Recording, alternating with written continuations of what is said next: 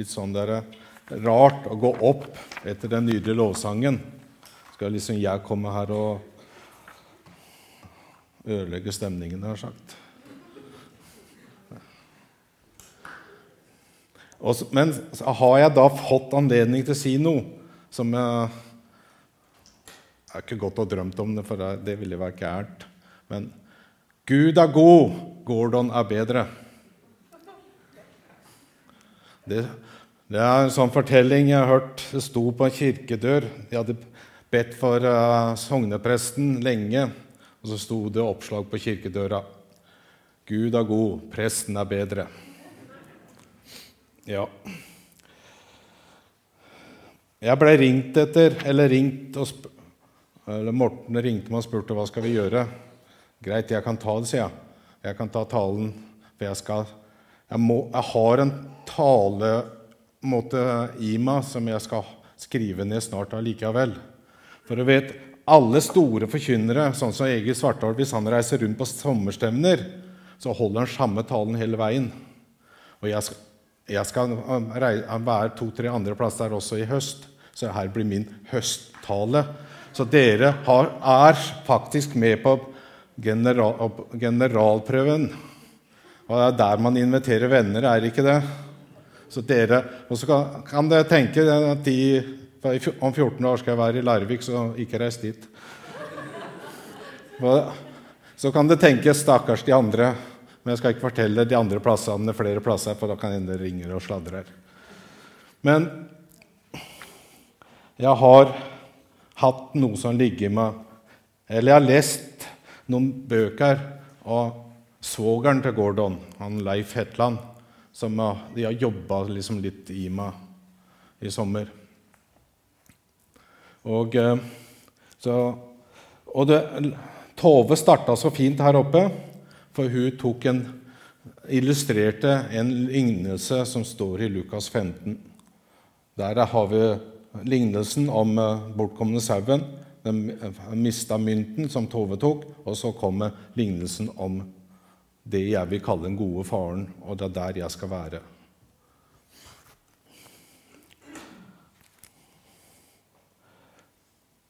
Og en ren praktisk ting som gjorde at jeg kunne ikke stikke inn på rommet mitt eller der jeg har arbeidsplassen min hjemme, og hente noe, for der ligger, lå det tre mennesker familien, vi har familiehelg, så jeg kunne ikke gå inn der og hente en ting. Derfor kommer heller ikke noe opp på lerretet.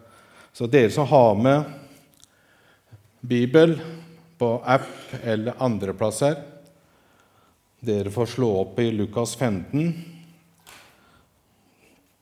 fra det 11. verset. Jeg har tenkt å lese hele fortellingen. Selv om jeg antar alle har hørt den veldig mange ganger før. I min, eller ikke min bibel, men den bibelen jeg bruker, Bibelen Guds ord, så står det overskrift 'Den kjærlige far', men den nyeste oversettelsen står det 'Den hjemkommen sønn'. Men jeg er opptatt av den gode faren, som jeg også starta den barnesangen med. Som, eh, det er det jeg skal konsentrere meg litt om. Skal vi lese fra 1511. Så sa han, en mann hadde to sønner. Den yngste av dem sa til sin far, Far, gi meg den delen av eiendom som tilfaller meg. Så delte han eiendommen sin mellom dem. Og mange et, ikke mange dager etterpå samlet den yngste sønnen sammen alt sitt og dro ut til land, et land langt borte. Og der sløste han bort alt han eide i, ned, i et nedbrytende liv. Men da han hadde brakt Brukt opp alt ble det en svær hungersnød i det landet, og han begynte å lide nød. Så gikk han av sted, slo seg sammen med en av dem som bodde i landet, og han sendte ham ut på markene for å mate svin. Og han spiste seg gjerne mett på de skolmene som grisene åt av, for ingen gav han noe. Men da han kom til seg selv, sa han, Hvor mange av mine fars leietjenere har brød i overflod, mens jeg selv går til grunne av sult. Jeg vil stå opp og gå til min far, og jeg vil si til ham, Far, jeg har syndet mot himmelen og framfor deg. Jeg er ikke verdig, lenger, jeg er ikke verdig til å kalles din sønn. Gi meg en, en, gi meg en tjeneste som en av leiekarene dine.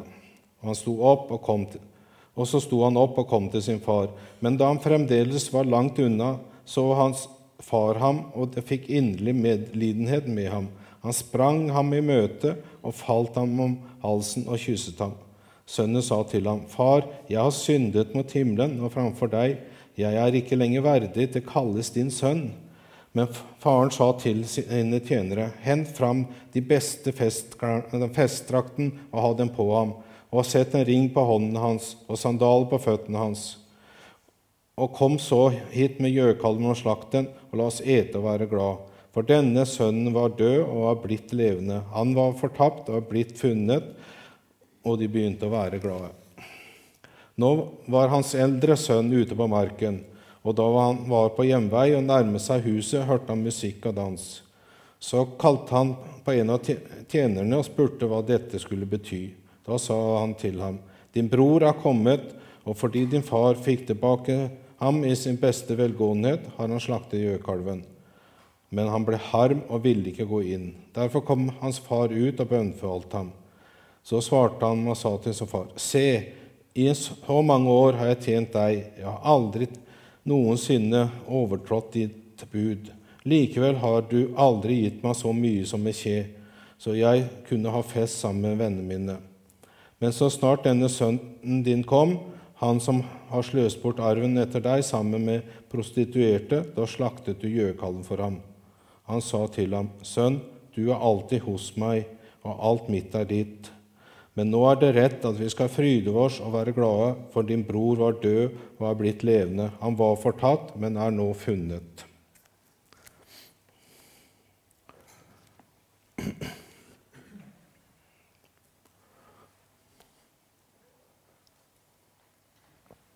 Hele kapittel 15 omhandler det der at å leite etter den bortkomne. Bortkomne mynten, bortkomne sauen og bortkomne sønnen. Og det er, men kjernen i den fortellingen er jo akkurat det at det er en god far som gjerne savner uh, den bortkomne, savner det som er vekk. Så Derfor er det, det dette savnet jeg har tenkt å prate litt om. Men først skal vi se på den lignelsen med datidens øyne. Når Jesus begynte å snakke om den hjemkomne sønnen, at han ikke skulle få straff, så var det et sjokk for fariseerne og de vanlige jødene. For det var Selvfølgelig skulle han straff. Han har gjort ganske mye galt. Og til og med bedt dem få arven på forskudd. På mange måter si 'Jeg ønsker at du skulle være død, far'. Så han burde jo fått straff. Og det sier jo egentlig våre Det er første tanken vi også har i hvert fall verden rundt oss har det. det må, han har gjort noe urett, og det må jo straffes. Så det var helt sjokk for dem. Og så var det han eh, hjemmeværende sønnen. da, Så begynte Jesus å prate om han. Og Spesielt fariseerne følte seg sikkert truffet umiddelbart. For tradisjon den gangen var hvis noen i familien forsvant, kom eh, bort så var det eldste sønnens oppgave å finne, finne, vedkommende. Det var aldri faren som skulle leite, men det var den eldste sønnen. som om han så måtte bruke av sine egne midler for å finne denne sønnen, så var den eldste sønnens oppgave å finne den bortkomne. Og det er klart da at Fariseerne skjønte at Jesus snakka direkte til de, for de var ikke så veldig opptatt av å finne den bortkomne. De var mer opptatt av sitt eget kristenliv, hvor vellykket det skulle være, eller sitt eget religiøse liv. Og, og, som jeg sa, faren skulle jo ikke gå og leite, derfor stoppa faren ved grinda. Ja, jeg vet ikke hvorfor. Det står ikke noe om grind eller noe sånt i uh, Bibelen. Men, men jeg, for meg så jeg har det så tydelig oppi hodet det at den faren står der ved grinda og leit, venter. Om det er si, en fanellograf for 50-60 år siden, det kan godt hende. Et eller annet sånt, Men det bildet i forbindelse med den lignelsen, så har jeg det bildet at han står der ved grinda og ser etter den bortkomne sønnen. Men jeg tror også han veldig ofte snur seg og ser med lengsel etter den hjemmeværende sønnen som han heller ikke har kontakt med. Men hva, liksom, hva, ligger bak den drivkraften der fra den gode faren å stå der og se etter den bortkomne? for å forstå det så må vi tilbake til skapelsesberetningen. Der står det at uh, Gud skapte mennesket i sitt bilde. Uh, skapte Adam med fri vilje osv. Det skulle være lik han ville de skulle være lik han, slik at han kunne ha fellesskap med det. Du leser også det at eh, Gud kom ned i Edens hage på kvelden når det begynte å bli svalt, og gikk tur og prata med Adam og hadde fellesskap med Adam. Men siden han hadde gitt en frie vilje, da, så ble, gikk det jo gærent. Eva ble frista til, til, å smake på det eplet fra det spesielle treet. Uh, Adam lot seg også friste å ta en bit. Og så kom Gud ned og skulle ha sin eh, daglige samtale med dem på aftenturen der nede i Edens hage. Og så hadde de gjemt seg vekk.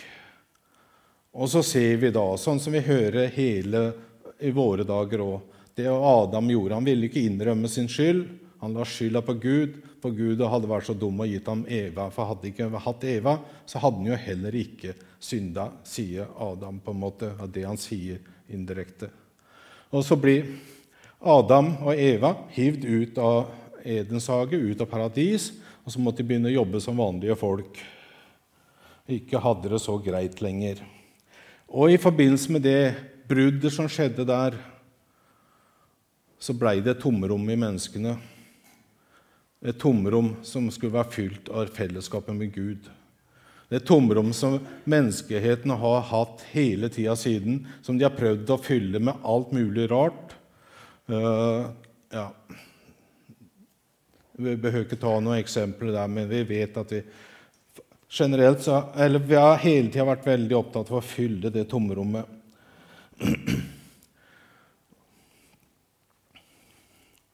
Og så, så, de hadde sikkert den veldig lengselen tilbake til å ha fellesskap med Gud, og de hadde selvsagt drømmen om å være i paradis igjen. Men samtidig som det skillet skjedde, så fikk Jesus, nei, Gud en veldig stor lengsel. Han savna de daglige rusleturene sammen med Adam og Eva. Han savna det fellesskapet med menneskene han savna det der å kunne ta, prate litt og ha nærkontakt på en måte med menneskene. Men Gud, selv om Gud kunne jo ikke ned, gå, komme ned en syndig verden for å på en måte ha det fellesskapet. For han er jo ren og hellig. Han tåler jo ikke synd. Og Det står også i Guds ord at den som ser Gud, må dø. Så han kunne ikke komme ned. for da, ja, De ser for dere bare, Etter hvert som de så Gud, så ville de bare uh, dø. Og Derfor var ikke det løsningen. Men, men det fantes en annen herlig løsning. For det fantes en storebror oppe i himmelen som het Jesus.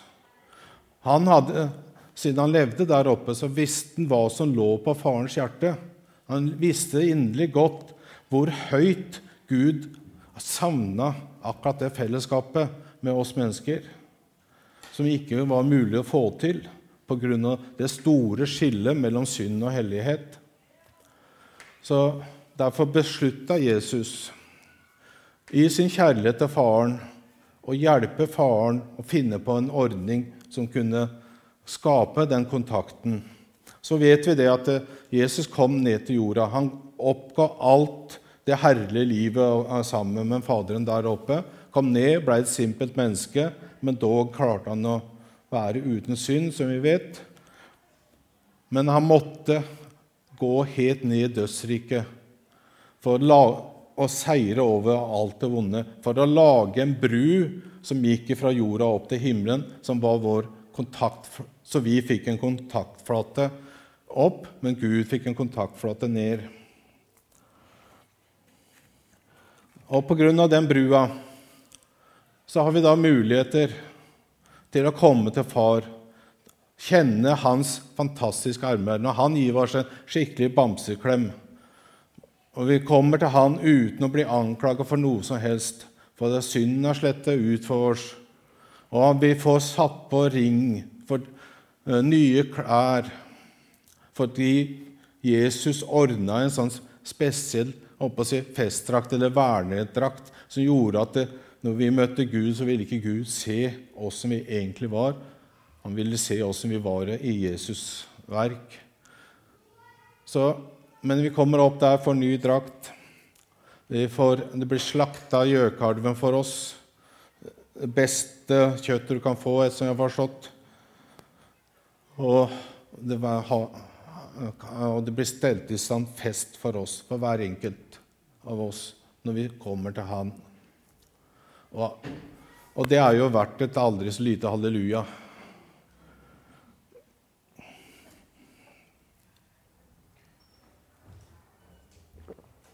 Men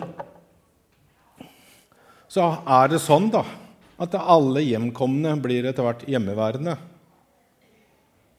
Vi er ikke konstant hjemkomne. Vi, vi, begynner å få oppgaver, vi er med på aktiviteter.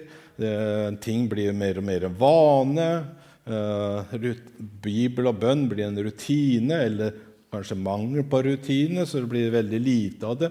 Og eh, våre, alle aktivitetene og det vi er opptatt av, er med på å på en måte gjøre oss kanskje veldig lik han hjemmeværende. Så han er bare opptatt på en måte å gjøre ja, Vi blir engasjert i menigheten.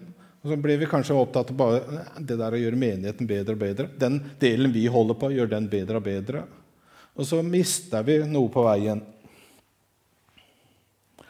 Og så blir kanskje det her bønnelivet vårt litt mer lik rapportering. Vi kommer til Gud i bønn, og så rapporterer vi status på gårdsdrifta vår, på hvilke, hvilke forbedringer vi burde gjøre, hvilke forandringer burde, hva han burde investere i osv. Rapporterer det, alt sånn. Men samtidig så føler vi så lite glede ved den delen at så fort vi er ferdig, så løper vi ut igjen. Og sitter far der ved kontorpulten nær sagt, og prøver å få sagt noe, men vi er ute før vi har et ord av det. For vi har fått det som er så opptatt av andre ting. Og så ville han så gjerne fortalt oss en god del ting som ligger han på hjertet. Ikke, at vi er hans barn, og vi er ikke tjenere. Vi har en helt annen status. Vi er barn, vi er ikke tjenere. Vi må ikke prestere. Vi må ikke gjøre det bare for, fordi vi på en måte er tjenere. Vi er hans barn. Vi har en spesiell rolle. Og så vil han gjerne fortelle oss hvor vanvittig høyt han elsker oss. Vanvittig høyt han fryder seg over oss. Og hvor høyt han setter pris på deg. Og så vil han fortelle mer av det her hva han har på hjertet. Han ville gitt deg hvile i sin kjærlighet. Og han ville også fortelle ting som du kunne trenge. Og så vil han peke på hvem du på en måte var storebror for og burde leite etter. For det ligger ham på hjertet hele tida. Men vi hadde det kanskje litt for travelt med å være kristne, med kristenlivet vårt. Vi var kanskje litt for aktiv, var for opptatt av å drive menighet. Vi hadde ikke tid. Ingenting er galt å gjøre det. Det er klart, Vi skal be og vi skal lese og alt det her, men det er noe med å være opptatt av det som søker dette tomrom, eh, forfylte tomrommet. For da, ja, da hoppa jeg litt. Jeg skal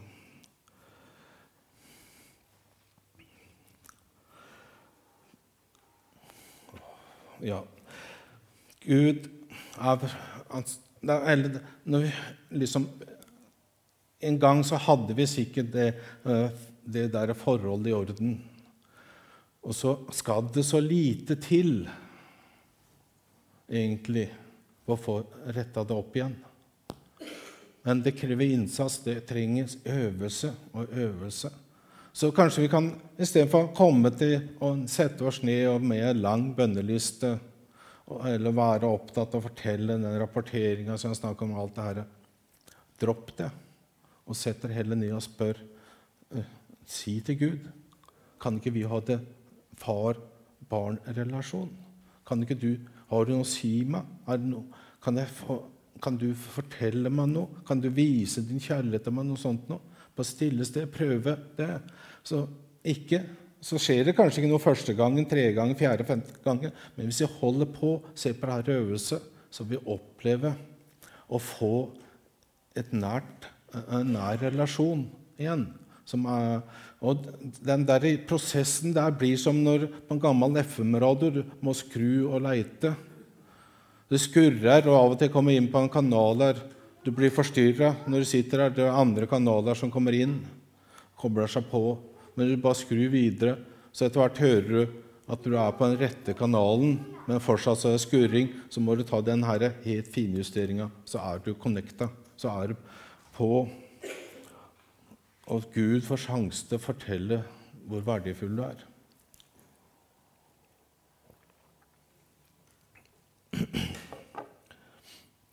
Men vi snakker ikke om prestasjoner. Vi snakker ikke om at det er noe, noe du må ta deg sammen på. sånt noe. Men bare prøve å sette av litt tid av og til, og prøve å få fylt opp det her. For konsekvensene er så store. Når det tomrom blir fylt opp, og når du har en relasjon med Gud, så får du en begeistring. Du får en indre trygghet og ro. Du, får, du, blir, du vil oppleve at tjeneste, alt du holder på med, vil bli helt annerledes. Plikt, Du kommer til ikke føle plikt, du kommer til bare føle glede. Og Det er ikke her noe skal gå rundt og skryte av om man har det, men folk vil merke det rundt deg. Også de som du er den, den lillebroren som du skal leite etter, vil også kanskje, når du tar kontakt, etter hvert merke Fordi du har noe innvendig som, som det etter hvert vil boble over. Du opplever den gode farens relasjon så herlig at du kommer til å skjønne, lure på hvorfor søkte jeg ikke dette her mye mer før. Og så gjelder det da